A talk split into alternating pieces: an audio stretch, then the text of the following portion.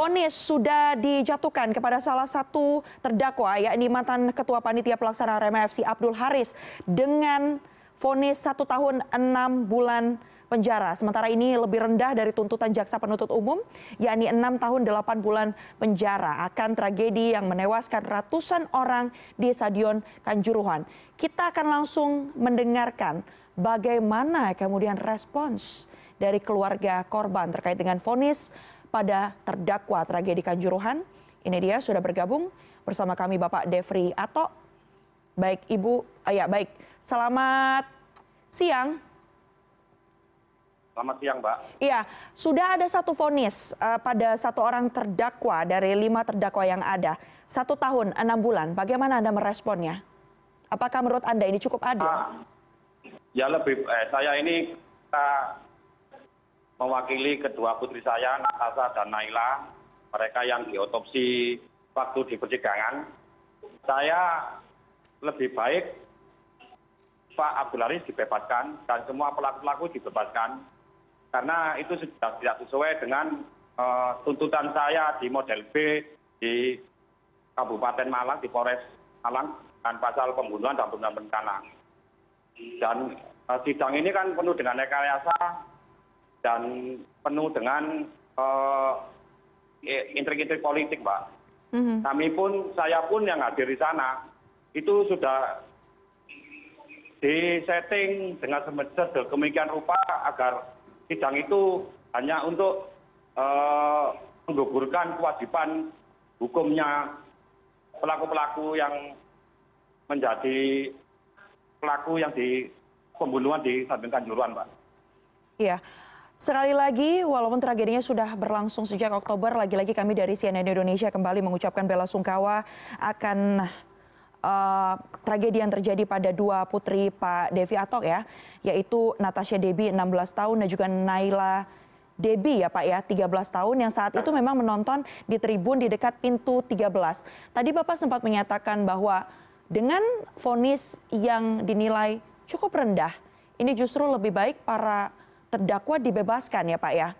Sebelumnya Bapak juga sempat menyatakan bahwa uh, meminta agar presiden ini menunjukkan komitmennya untuk mengusut tuntas kasus ini seadil-adilnya. Ya karena apa sudah terskenario mbak, mm-hmm. karena agar uh, keluarga korban tidak menuntut dan menerima tentang Eh, vonis hukuman yang ada di PN Surabaya, Mbak. Lebih hmm. baik uh, itu sudah dibubarkan saja PN sidang di PN Surabaya itu. Hmm. Tidak mewakili tentang keadilan yang ada. Begitu murah nyawa-nyawa bangsa, nyawa-nyawa rakyat alang dibunuh dengan vonis yang ringan dan pasal kelalaian. Hmm. Itu sangat tidak sesuai dengan keadilan di negeri ini, Mbak. Satu hal yang juga disoroti, Baik. Pak uh, Dev. saja sudah ya. tidak sesuai dengan uh, pasal pembunuhan itu, Mbak. Iya, uh, Pak Devi satu poin yang juga disoroti oleh masyarakat sipil ini adalah terkait dengan bagaimana kemudian penggunaan gas air mata dinilai tidak menjadi satu hal yang krusial ya Pak ya dalam jalannya persidangan, ya. tidak dibahas secara mendalam. Padahal uh, dari hasil rekaman CCTV yang ada, itulah yang juga menjadi salah satu faktor uh, penyebab banyaknya nyawa melayang. Bagaimana Anda merespon ini, Pak? Ya, memang kejadian ini direncanakan, Pak. Dengan pintu ditutup, ditembakkan gas air mata. Itu kan sudah direncanakan dari awal, Pak untuk eh, menembakkan gas air mata itu ke tribun dan mereka pun eh, mengeklaim tidak menembak ke tribun dan itu pun mereka omongkan waktu di persidangan Surabaya kan tidak sesuai dengan hmm. kenyataan yang ada mbak. Hmm. Padahal kalau memang uh, kejadian ini tidak diinginkan ya nggak akan terjadi mbak. Hmm. Kenapa uh, pihak keamanan sangat represif dan memukul itulah yang menjadi pemicu pembenaran pihak kepolisian untuk menimbulkan kekeosan itu mbak mhm. dan mereka pun seharusnya kalau memang yang yang turun ke lapangan ya jangan dipukuli seperti itu itu yang menimbulkan aremania menjadi melawan ke pihak keamanan mbak. Dan mereka pun seolah-olah menyalahkan aremania anarkis. Padahal pihak kepolisian dahulu yang melakukan pemukulan mbak. Itu kenyataan yang ada dan mereka sangat mengelak. Itu mbak. Ya Pak Devi sebelumnya juga sempat hadir di persidangan begitu ya? Iya mbak. Saya hadir dua kali. Waktu itu sama lib sang dokter dari unpra. Mhm. terus sidang kedua saya menjadi saksi terhadap janki kapaop dan kakak sabara polisian itu mbak. Baik, saat hadir di persidangan mungkin boleh dijelaskan kembali apa saja keterangan-keterangan yang Pak Devi sampaikan saat kemudian eh, ditanyai oleh baik itu eh, jaksa penuntut umum maupun eh, pihak kuasa hukum dari terdakwa dan juga majelis hakim? ya saya sendiri sangat kecewa dengan majelis hakim mbak. Eh, harusnya majelis hakim kan kepanjangan tangan dari Tuhan mbak dan hakim pun bilang kalau anda di bawah sumpah apakah hakim juga berani berani bicara di bawah sumpah dengan eh, ini hukum Tuhan mbak Mhm. Eh, saya pun bersaksi dengan kenyataan yang ada waktu itu dan ada kata-kata yang BAP saya itu tidak sesuai dengan apa yang dilakukan yang dipertanyakan oleh jaksa mbak Mhm. Apa itu Pak yang itu kemudian eh, kata-kata apa Pak? Eh, itu tentang eh, penembakan gas air mata pada tahun 2018 Mhm. yang men- menewaskan empat orang tapi yang diakui oleh pemerintah cuma satu orang itu mereka mereka pertanyakan eh, dengan dalih membenarkan penembakan gas air mata Mhm. harusnya kan eh, pihak polisian sudah sudah membaca mbak sudah evaluasi 2018 menembakkan gas air mata. Kenapa? Diulangi lagi apakah ini kelalaian? Mhm. ini sudah tidak sesuai mbak. Dan saya pun dicerca dengan pertanyaan itu kan kegoblokan pihak-pihak yang mempertanyakan pertanyaan kepada saya. Dan saya waktu itu sama pengacaranya polisi. Mhm. saya sangat kecewa mbak. Mhm. Karena kami kami di justice orang Malang ini biang-biang rusuh, biang kerok atau apalah menjadi eh, penyebab agar pihak kepolisian bisa menembak gas air mata. Kan seharusnya tidak boleh, Mbak. Mhm. Sudah ada peraturan FIFA. Apa mereka yang lebih pintar dari saya yang membaca dan tahu tentang peraturan, Mbak. Saya ini cuma rakyat biasa, Mbak, tapi sudah tahu tentang peraturan itu. Kan itu, Mbak. Baik, selain kemudian eh, dihadirkan sebagai saksi, Pak Devi Antok ini juga dua jasad putrinya, lagi-lagi almarhumah Natasha Debi dan juga Naila Debi yang berusia 16 dan juga 13 tahun ini juga diotopsi ya Pak ya jasadnya, kemudian juga fakta-faktanya diungkap dalam persidangan. Eh, apa saja Pak Ya. hasil otopsi saat itu?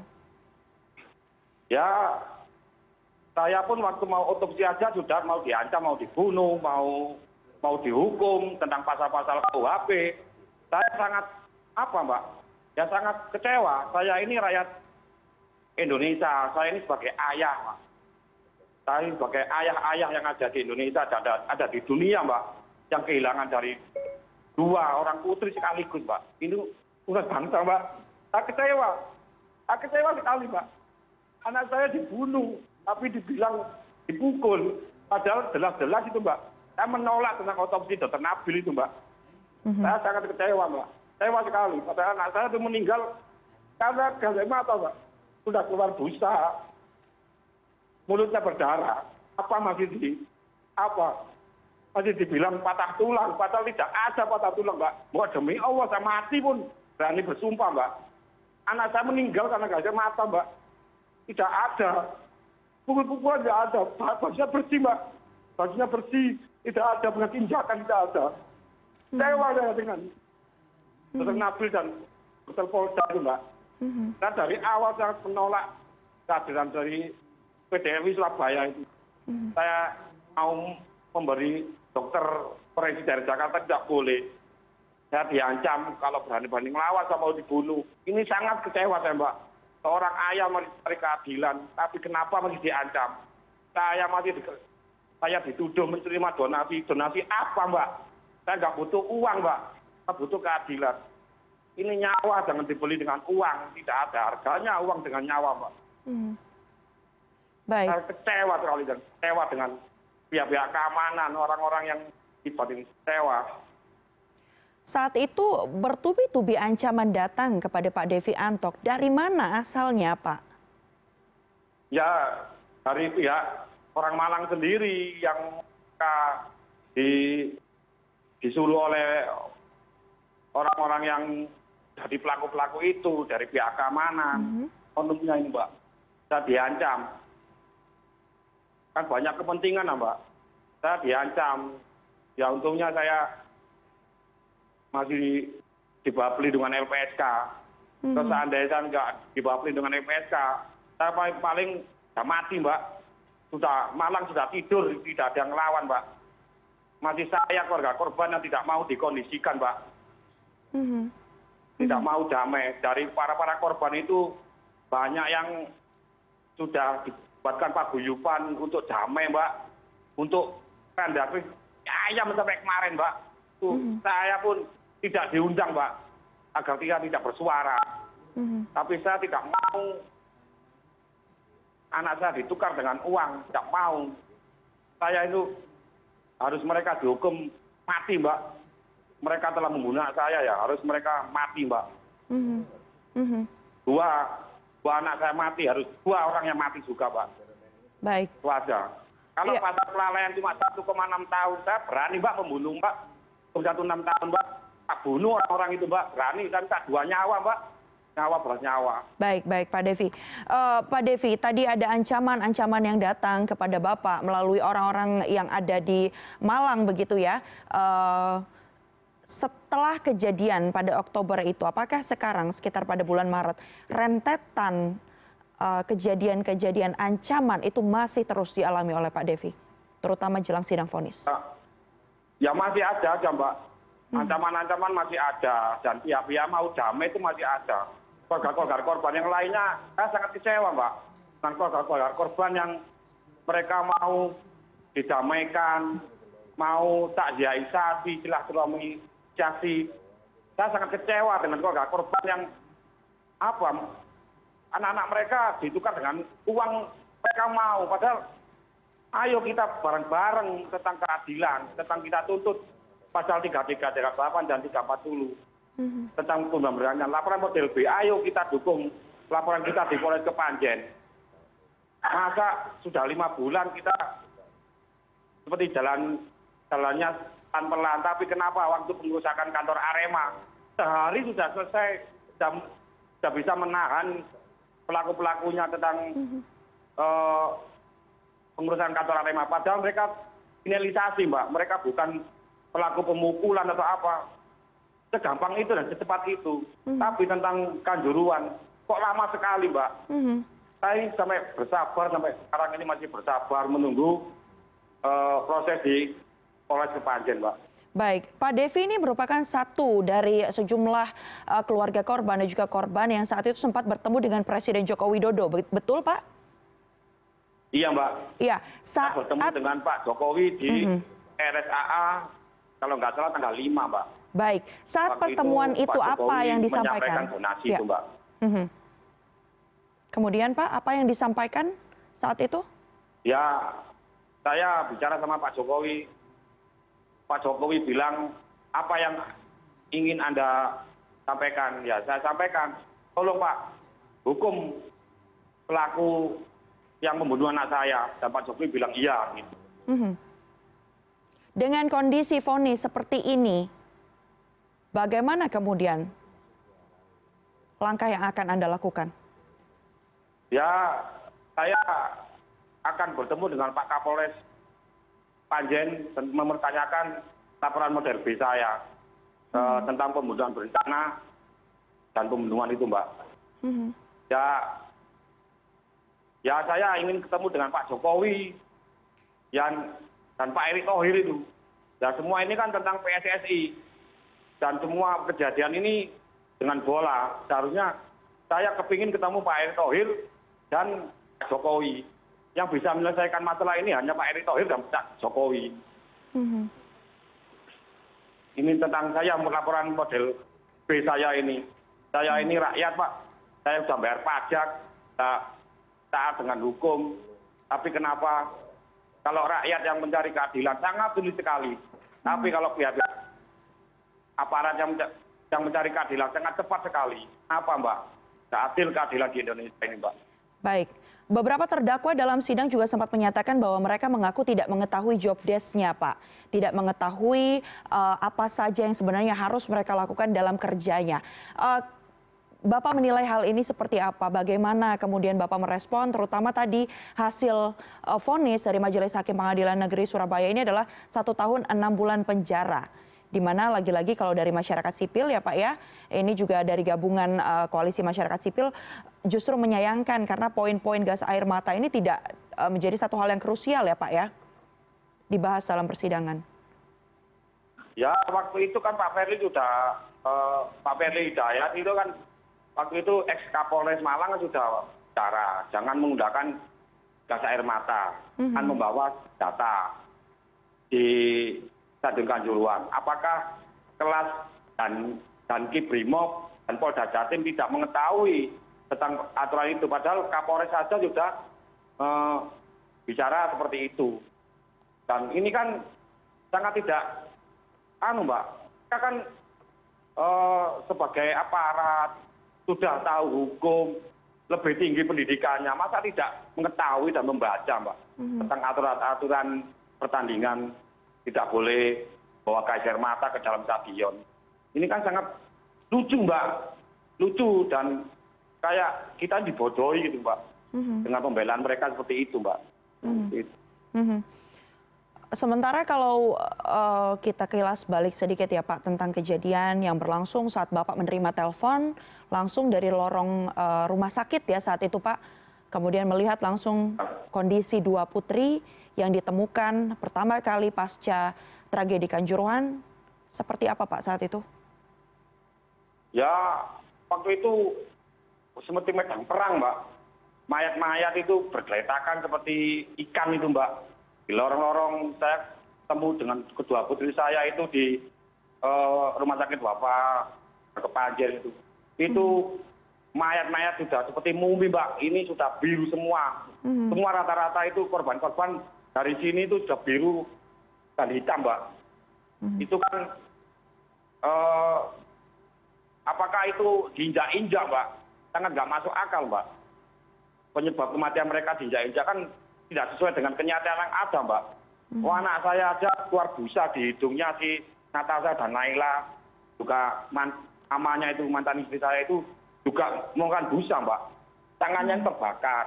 Hitam itu karena anak saya meninggalnya di tribun mbak mhm. bukan di lorong 13 tapi di tribun 13 meninggalnya mbak. Baik baik. Terakhir kan, ya kan di di sana kan apa mayat-mayat masih berdatangan mbak. Mm-hmm. dibonceng-bonceng seperti kambing ini mbak. Bonceng tiga. Kan gimana mbak? Seandainya keluarga petugas-petugas itu menjadi korban gimana mbak apakah mereka gak marah gak menembak pelakunya mbak ya hmm. untung kami rakyat mbak bisanya apa? Bisanya menangis mbak dan mengadu. Itu hmm. aja mbak. Baik sejumlah keterangan atau bahkan tadi hasil otopsi dari putri apa devi ini juga sudah dihadirkan dalam persidangan. Keterangan keterangan juga sudah disampaikan di depan majelis hakim dalam persidangan. Bahkan sudah sempat juga bertemu dengan presiden joko widodo uh, di mana kemudian juga menyatakan atau berjanji saat itu ya untuk mengusut tuntas kasus ini. Namun ternyata Fonis yang dijatuhkan oleh Pengadilan Negeri Surabaya ini adalah satu tahun enam bulan kepada terdakwa Abdul Haris. Terakhir Pak, penegasan kembali tanggapan Anda terkait dengan hal ini. Masih konsisten seperti tadi, lebih baik mereka semua dibebaskan Pak? Ya, saya masih konsisten Mbak. Lebih baik mereka dibebaskan aja Mbak. Dan dinaikkan laporan model B saya tentang tiga liga delapan dan tiga empat puluh tentang pembunuhan dan pembunuhan berencana kita tidak ngajar di Malang dengan laporan model B saya mhm. ayo di, ayo mohon pihak keamanan ayo pihak panjen naikkan persidangan di, di Malang kita transparan aja media juga mengawal semua mengawal. Ini kan pembunuhan berencana. Ngapain yang di Surabaya? Rakyat, rakyat Malang itu diusir dari Malang untuk ke Surabaya dan tidak bisa menyaksikan persidangan di sana, Mbak. Itu kan sudah bentuk dari dagelan, Mbak. Lebih baik, ayo naikkan laporan model B saya, pembunuhan berencana ini, Mbak. Lebih baik bebaskan aja mereka. Pak Abdul Haris, Pak Suko, Azharmawan, Pak Bang Sidik itu bebaskan aja. Baik sidang di Malang dengan dan pasal yang berbeda, Mbak. Mhm. Eh, laporan yang Bapak ajukan sejauh ini prosesnya sampai di mana, Pak? Eh, saya tanggal 3 Maret 2023 kemarin dapat SP 2HP tentang eh, pem- pemanggilan para tembak gas air mata dan di eh, Brimob Ampel Gento, Mbak, dan mob di Porong. Mhm. Dan mereka katanya masih menunggu pinjam para bukti eh, hasil sidang di Surabaya. Mhm. Eh, Polres Panjen masih menunggu barang bukti dan dan masih eh, kita masih diputar-putarkan tentang eh, ini apa permasalahan di proses 338 dan 340 itu Mbak di Polres Kepanjen Baik. itu Mbak. Baik, kita akan kawal nanti jalannya. dan ya. eh, saya kepingin itu apa rekonstruksi itu dilakukan di Stadion Kanjuruhan dan agar tahu. Stadion Kanjuruhan pagarnya itu kan ada yang dipotong dirobohkan. Dan agar tahu media itu agar tahu masuk ke dalam stadion. Rekonstruksi harus ada di sana. Saya mohon seperti itu mbak. Ayo kita buka-buka masalah keadilan mbak. Mhm. Ya, yang pasti adalah keadilan ya Pak ya. Satu hal yang dituntut diharapkan bisa benar-benar diterapkan dalam kasus tragedi Kanjuruhan yang menewaskan ratusan orang, di mana dua di antaranya ini merupakan putri dari Bapak Devi Atok, yakni Natasha Debi Ramadhani dan juga Naila Debi Anggraini yang berusia 16 tahun dan 13 tahun yang saat itu menyaksikan pertandingan dari Arema FC dan juga Persebaya Surabaya kita akan update terus bagaimana prosesnya nanti, uh, termasuk dengan laporan yang disampaikan oleh Pak Devi Atok. Selanjutnya, terima kasih banyak Bapak atas uh, waktunya bersama dengan kami CNN Indonesia di siang hari ini. Terima kasih Pak. ya terima kasih